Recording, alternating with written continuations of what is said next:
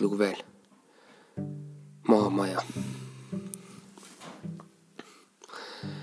pealkirjas öeldakse. väike õudne kummitus jutt mehest, kes on ühel päeval jalutamas ja satub vihma kätte ja otsustab varjuda väikesesse teerajale jäävasse majasse. maja pilt on ka. maja on puidust ja üsna lagunenud, puud kasvavad igal pool. Lugu ise on selline.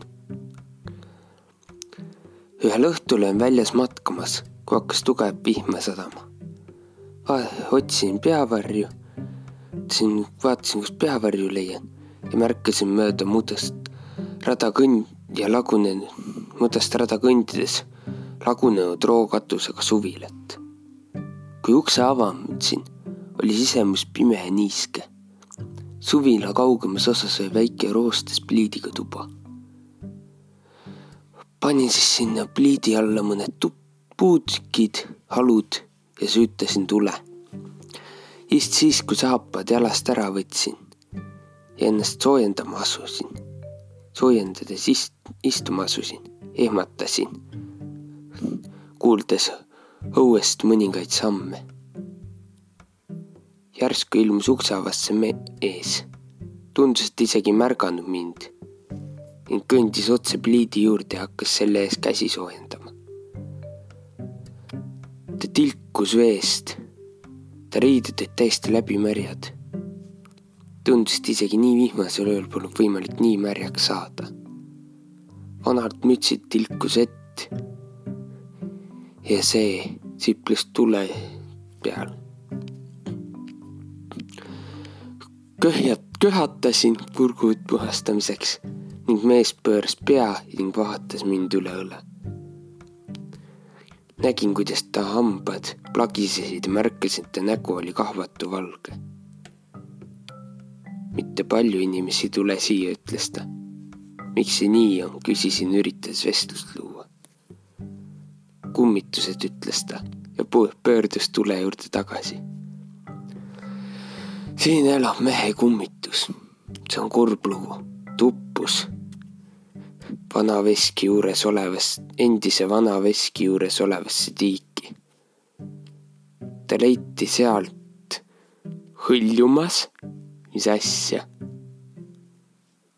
pigem õhku täis vee peale tulnud, okei okay.. ja kui nad sealt välja tõmbasid, oli ta kõigest tuli ta kõigest lima. mis asja? sellest ajast alates mõned inimesed öelnud, et on näinud teda tiigi peal õljumas teised inimesed näinud teda selle eest suvila taga varitsevat. seal üles ja alla kõndimas, uppus tiikini, nii öeldakse nüüd ta kõnnib öösel. siin.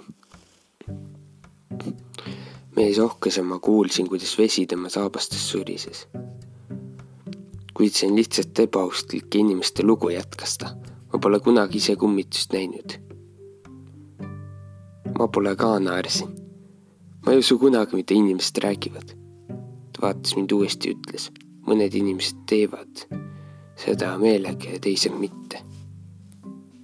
tema riietest voolas vett, veel vett. see tilkus, ta tilkus, see tilkus kogu põranda täis ja ruumi täitis tühjusele. mis viga on, küsisin. kas see ei saanudki kuivaks? kuiv? ta naeris nõrgalt ja ma naerma mõtles, äkki võiks köhaks. ma ei saa kunagi kuivaks minna, hüüdis ta ja surus sellega mudased käed küünarnukkideni tulle. leegid ei puudutanud teda üldse. tal on üldse valus.